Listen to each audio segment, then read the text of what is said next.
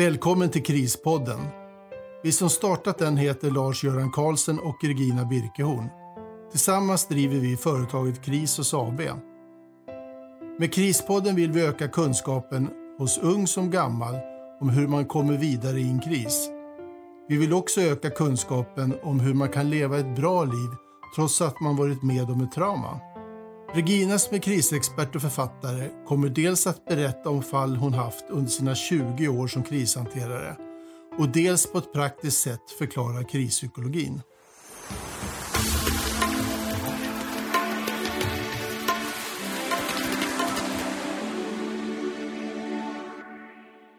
Jag träffar många yrkeshjälpare. Människor som i sin vardag har ett yrke där man har en uppgift att hjälpa människor i akuta krissituationer. Och då finns de även inom polis, räddningstjänst och sjukvård. Vid det här tillfället har jag en föreläsning. I pausen kommer en man fram till mig. Hans uniform talar om att han är insatschef och finns inom räddningstjänst. Jag tittar på honom och ler. Jag anar att han har frågor som han inte vill fråga mitt under föreläsningen eftersom det alltid är lite känsligt när en yrkeshjälpare inte mår bra. Vad kan jag hjälpa dig med då? Min fråga får honom att försiktigt fösa undan andra människor runt mig och knuffa mig lite åt sidan. Jo, jo, det är så här. Jag undrar om jag får fråga lite mer personliga saker. Ja, visst, självklart, förklarar jag. Jo, det är så här. Jag har ju jobbat många år inom räddningstjänst och jag kan verkligen säga att allt det här som du pratar om, det borde vi veta och vi borde kunna det. Men det är inte så. Vi är utbildade att göra räddningsuppdrag och släcka bränder, om, om du förstår vad jag menar. Jo då, jag vet hur det är, säger jag leendet till honom.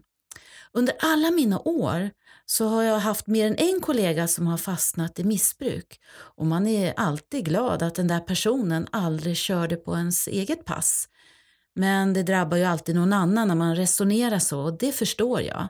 Men man visste inte riktigt hur man skulle göra eller vad vi skulle göra. Så vad hände då, undrar jag. Äh, nej men du vet, det är ju många år nu och ja, en dag så, en del har ju tagit livet av sig och några slutar och några blir sjukskrivna och äh, förtidspensionerade. Så. Man, man försöker lösa det på något sätt. Men vad händer sen då, om ingen tar tag i det här, frågar jag vidare. Nej, men du förstår, det går lite fort hos oss. Nästa larm och sen stoppar man bara undan sådana där saker. Det här är väldigt vanligt hos oss, förklarade mannen. Hur mår du själv då? Jag ställer frågan till honom eftersom jag har ju nu undrat när den där mer personliga frågan skulle komma. Den här mannen ser ut att ha hur mycket som helst att berätta och prata om utan att egentligen komma till den där personliga frågan. Behovet att få berätta är stort och när det väl finns en mottagare finns det ibland ingen hejd på en yrkeshjälpare som har lagrat på sig många oprocessade händelser i sitt liv. Oftast har de ett stort behov att prata om sina upplevelser.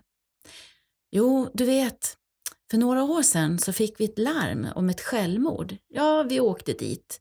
Äh, det är inte så mycket att göra för mig som ja, räddningsledare. En, eh, en annan sak är ju att den andra har ju varit med om det mesta så jag brukar inte titta så noga eftersom jag inte behöver det liksom. Jaha, jag fick honom att fortsätta. Jo, du vet, jag gick ju där plötsligt och, och då såg jag den där plånboken som låg där. Så jag lyfte upp den och öppnade den. Och, ja, jag ser ju att det är ett foto på en ung man på den ena sidan och sen är det ett sånt där klistermärke från eh, Djurgårdens eh, klubb. Ja, plötsligt så kände jag bara att jag blev alldeles svimfärdig och jag fick lite ont i bröstet och jag fick svårt att andas och kände ju mer panik och rätt vad det var så bara benen vek sig under mig. Ja, en av grabbarna då, de tittade precis åt mitt håll och såg mig och det blev ett himla liv. Plötsligt så är det jag som ligger på båren och det är en ambulans på väg. Någon har tagit fram syrgasmasken och trätt, trätt den över ansiktet. Ah, jag minns ju inte så mycket förrän jag hamnar där på sjukhuset och en läkare står över mig och tittar på mig. Han säger åt mig att det inte är något fel på mig och att jag i stort sett upptar väldigt mycket tid och plats eftersom jag inte har någon hjärtinfarkt. Vad sa han mer då? Fick du inget svar på vad som hände? undrade jag lite förvånat. Nej, egentligen inte. Jo, det kunde ju vara stressrelaterat, sa han. Men jag stressar ju inte så... Äh, vad tror du att det kan vara? Han tittade frågande på mig. Ja, du vet, stress betyder ju inte att man alltid jagar från punkt A till B, förklarar jag. Stress kan bero på att det finns många tidigare oprocessade händelser och det gör ju att hjärnan och alla försvarsmekanismer har fullt upp, fortsätter jag. Sen så går en tid och ibland går det år utan handledning, avlastning och utbildning. Och så kommer den där att det tar stopp, det är ju när hjärnan plötsligt inte orkar hålla allting stången. Jag gissar att den där plånboken fick någon känsla i dig att komma fram. Oftast triggar den igång något som står oss känslomässigt nära. Jag ser hur han letar efter svaret och plötsligt så går det upp för honom. Men min son, han har en bild på sig själv och ett klistermärke precis så där i sin plånbok. Lättnaden att förstå är enorm hos den här mannen. Ja, just det, bekräftade jag. Din hjärna har inte en chans att lugna ner den där tanken eftersom den har massa information och oprocessade krishändelser som du försöker hålla undan. Nu har inte hjärnan mer resurser och då känner plötsligt kroppen av det där enorma påslaget av stresshormoner. Finns det redan en hög belastning så kommer kroppen att reagera fysiskt. I ditt fall blev det hjärtat. Oh. Vad skönt. Jag trodde det var fel på mig. Kan det hända en gång till? Mannen tittade oroligt på mig. Självklart kan du göra det, svarar jag. Frågan är nu om du egentligen vill ha en annan strategi eller om du vill fortsätta att lägga allt som har varit och som kommer att komma helt oprocessat inom dig. Nej, för fasen. En ambulans en gång, det räcker för mig, utbrister mannen. Okej, okay, då ska jag berätta för alla på föreläsningen om vad man ska göra för att inte åka ambulans i onödan. Men jag ska inte prata med om dig utan jag ska utbilda er alla i vad man kan göra för att ha en bättre psykosocial hälsa i ett arbetsliv, säger jag som slutord till mannen. Ja, det här ska bli spännande. Tack för samtalet Regina. Oj, din rast den har visst bara gått, säger han lite ursäktande. Min upplevelse och min dag är ingen ovanlig dag. Det är snarare en helt vanlig dag där jag har med yrkesarbetare och yrkeshjälpare att göra.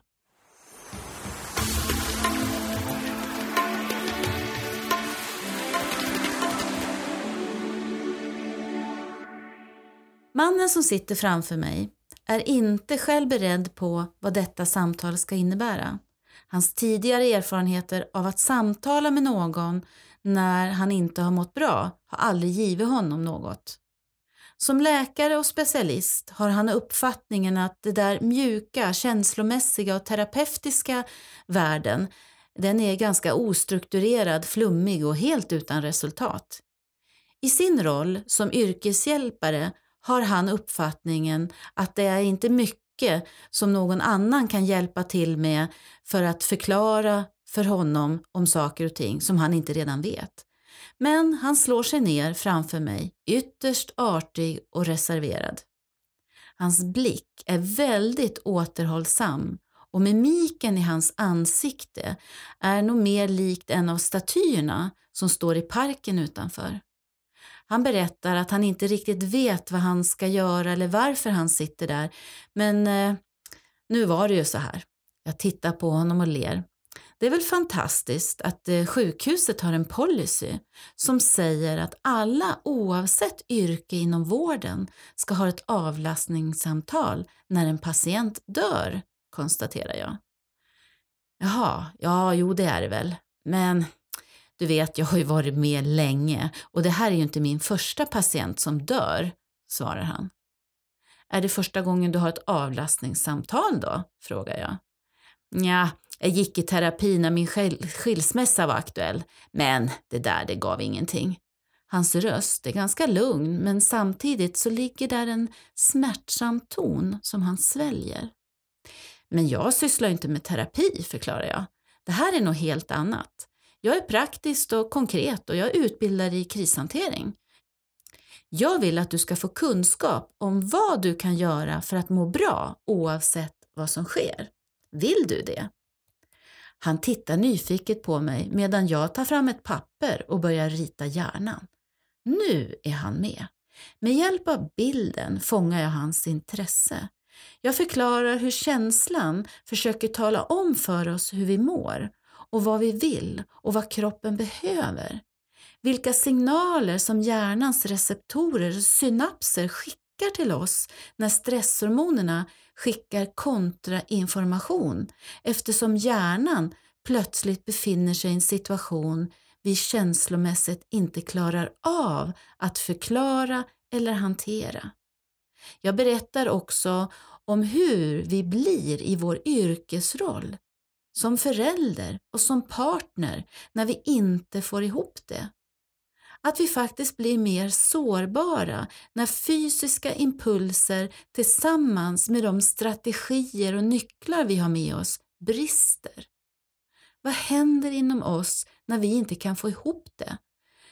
De där existentiella frågorna börjar då dyka upp. Frågor som Vem är jag? Vad vill jag? Vad tycker jag? Och vad kan jag göra? De blir nu viktiga. Ja, jag jobbar, säger mannen och tittar på mig.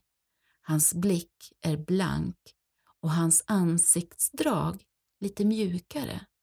Jag har alltid jobbat, även när jag har förlorat en patient, så går jag bara vidare och tänker att jag måste bli bättre, vilket jag har blivit. Han ler med sorg i blicken. Ja, men den strategin är inget fel på, konstaterar jag. Frågan är om du jobbar lika gott på att vara pappa och man eller är det bara som läkare? Oj, oj, aj det är bara som läkare, svarar han. Okej, okay, men det är ju inte hela du, förklarar jag.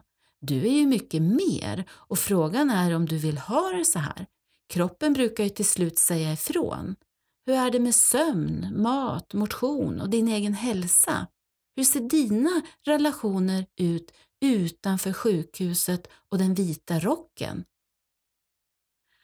Eh, jag har nog inga bra kontakter eh, överhuvudtaget. Inte med mina barn i alla fall, svarar mannen. Min före detta fru vill nog inte heller veta av mig. Jag jobbar tills jag somnar och sen när jag vaknar så jobbar jag lite mer igen. Masken av smärta är verkligen huggen i sten. Sprickorna blir tydligare när han fortsätter att berätta om den där första patienten som han förlorade. Om sorgen och smärtan över den lilla flickan och hennes föräldrar som han fortfarande bar djupt inom sig. Han berättar att den skaver varje gång en annan patient dör. Den är också motorn i honom som gör honom till den specialist han är idag. Han berättar också om att när skilsmässan var aktuell då orkade han inte plocka upp sorgen utan förblev tyst. Den där tystnaden, förklarar han, är en strategi han även använder i relation till sina barn. Men varför pratar jag med dig om det här? Du har ju ingenting, det här har ju ingenting med patienten som dog att göra. Han ser verkligen chockad ut, men också befriad. Men det här är normalt, säger jag. Jag ska berätta vad som sker i hjärnan och vad som händer med våra försvarsmekanismer när vi blir överbelastade. Jag fortsätter att rita på pappret framför honom. Jag beskriver vad som sker när den ena krisen efter den andra lagras inom oss helt oprocessad.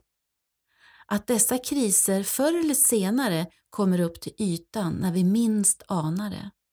Då gäller det verkligen att inte stå med skalpellen i hjärnan på en patient. Jag tittar på honom och ler samtidigt som jag säger, för det vill du väl ändå inte? Han ler med en värme som jag tidigare inte har sett i hans ansikte. Nej, verkligen inte, svarar han. Tar man inte hand om sig själv i känslan kommer det till slut att sätta sig i kroppen. Du blir fysiskt sjuk, förklarar jag. Jag har redan högt blodtryck. Jag trodde mer det berodde på ärftliga faktorer, svarade mannen. På sätt och vis är det sant. Vi ärver även våra föräldrars strategier för hur vi ska handskas med känslor. Det är inte bara fysiska drag vi ärver, förklarar jag. Jag gissar att din pappa var lika tyst som dig. Jo, så är det, konstaterade mannen. Hans blick söker sig inåt och bakåt i tid. Jag kan se hur han lägger samman dåtid och nutid. Hans blick är blank av tårar. Samtidigt så är det ett helt annat uttryck av lättnad i det annars så strama ansiktsuttrycket som jag kan se. Hans leende har nu börjat att processa något så otroligt påtagligt. Jag ritar på pappret och förklarar vad som sker på hjärnnivå när vi förstår.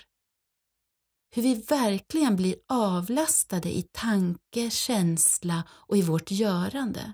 När vi verkligen i vårt innersta vet vad vi ska göra i framtiden för att inte upprepa det som belastar oss.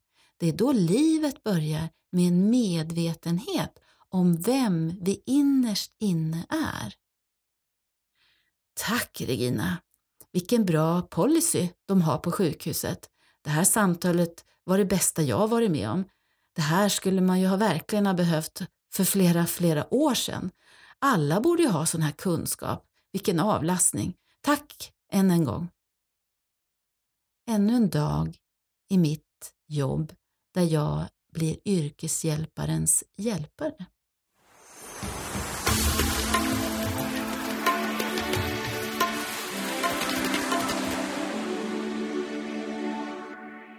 Jag sitter på kontoret och läser eh, om hur kvinnliga präster toppar Försäkringskassans lista över vilka yrken som gör människor mest sjuka i arbetslivet. Jag ser också att de manliga prästerna ligger på tredje plats på den där listan. Sjukskrivningar som handlar om stress och psykisk ohälsa. Jag är dock inte förvånad eftersom jag träffar väldigt många i yrken där man hjälper och stödjer människor i kris men där yrkesfolket faktiskt saknar krispsykologiutbildning. Jag tänker då tillbaka på ett sånt där tillfälle som fick mig att verkligen reflektera över det där. Den här händelsen den är 15 år tillbaka i tiden. Den här kvällen ska jag och en präst gå hem till en familj som bara två veckor tidigare har förlorat sin son. Prästen tar fram Bibeln och säger till mig, det här, det är väldigt viktigt. Och jag ser på honom att han verkligen menar vad han säger. Jag ställer honom en fråga. Om du skulle till sjukhuset för att du har brutit ett ben, gissar jag att du förväntar dig att träffa en läkare som verkligen tar hand om det där brutna benet. Eller? Min fråga får honom att stanna upp i allt han håller på med. Jo, jag menar, det är väl självklart, eller? Han tittar frågande på mig. Om nu den här läkaren vet att du har ett brutet ben men ändå bestämmer sig för att gipsa armen på dig, skulle du känna att du har blivit bemött och omhändertagen på ett korrekt sätt då? Min fråga får honom att bli ännu mer undrande. Nej, det kan jag inte påstå. Prästen rättar till sin krage och tittar på mig. Men du tänker alltså förutsätta att den här familjen som mist sin son, att de är kristna och troende? Jag pekar på hans bibel. Jag ser skräcken i ögonen. Han anar att oavsett vad han säger så kommer det säkert att låta tokigt. Eh, ja, nej, nej, kanske inte så, mumlade han fram.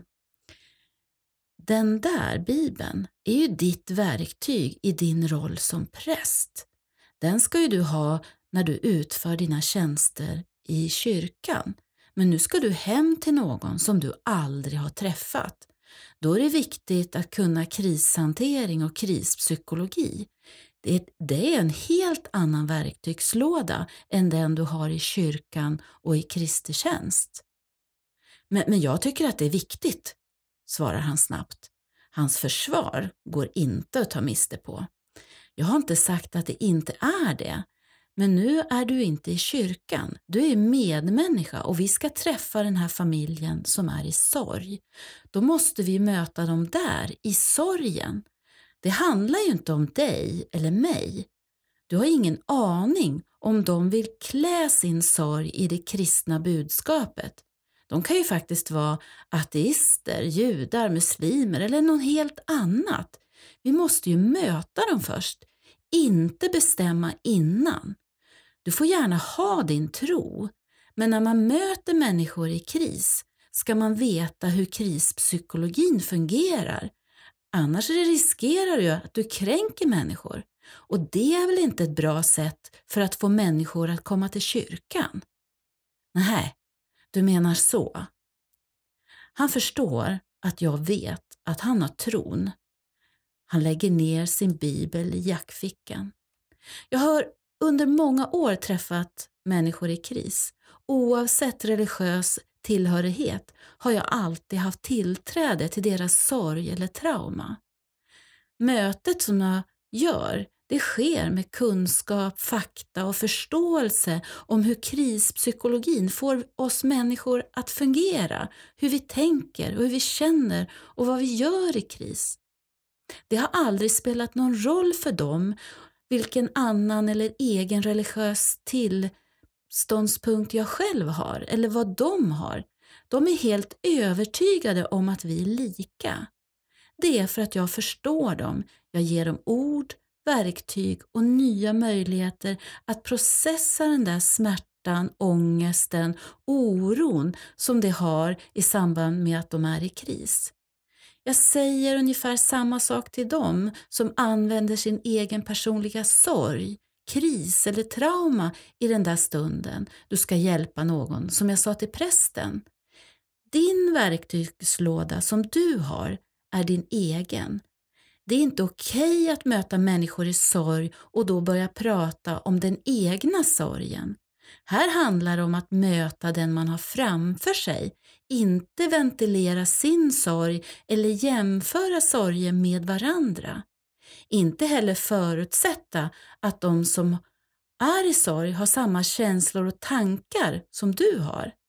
Men jag kan ändå se att det är den vanligaste förekommande källa som människor använder sig av när de säger att de jobbar med krishantering.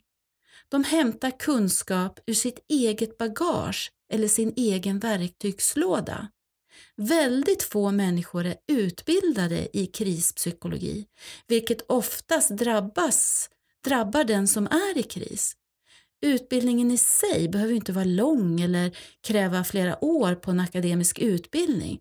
Den ska ju inte vara fylld med en massa teorier. Krisutbildning den ska vara praktiskt enkel och strukturerad. Vem som helst ska ju kunna lära sig förstå och kunna föra vidare den här kunskapen. Det handlar inte om att bli terapeut utan att bli en utbildad krishanterare. Då och först är man faktiskt rustad att möta människor i kris.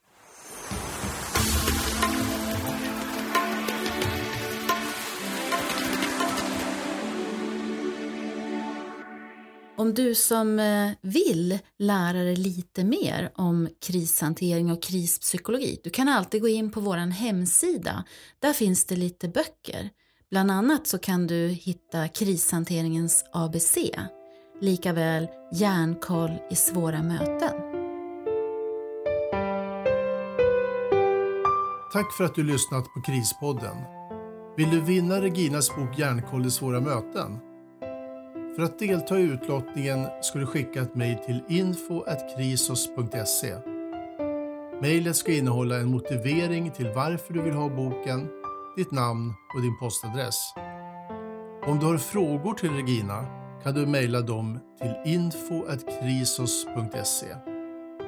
Vill du veta mer om Krisos kan du gå in på vår hemsida www.krisos.se eller besök oss på Facebook.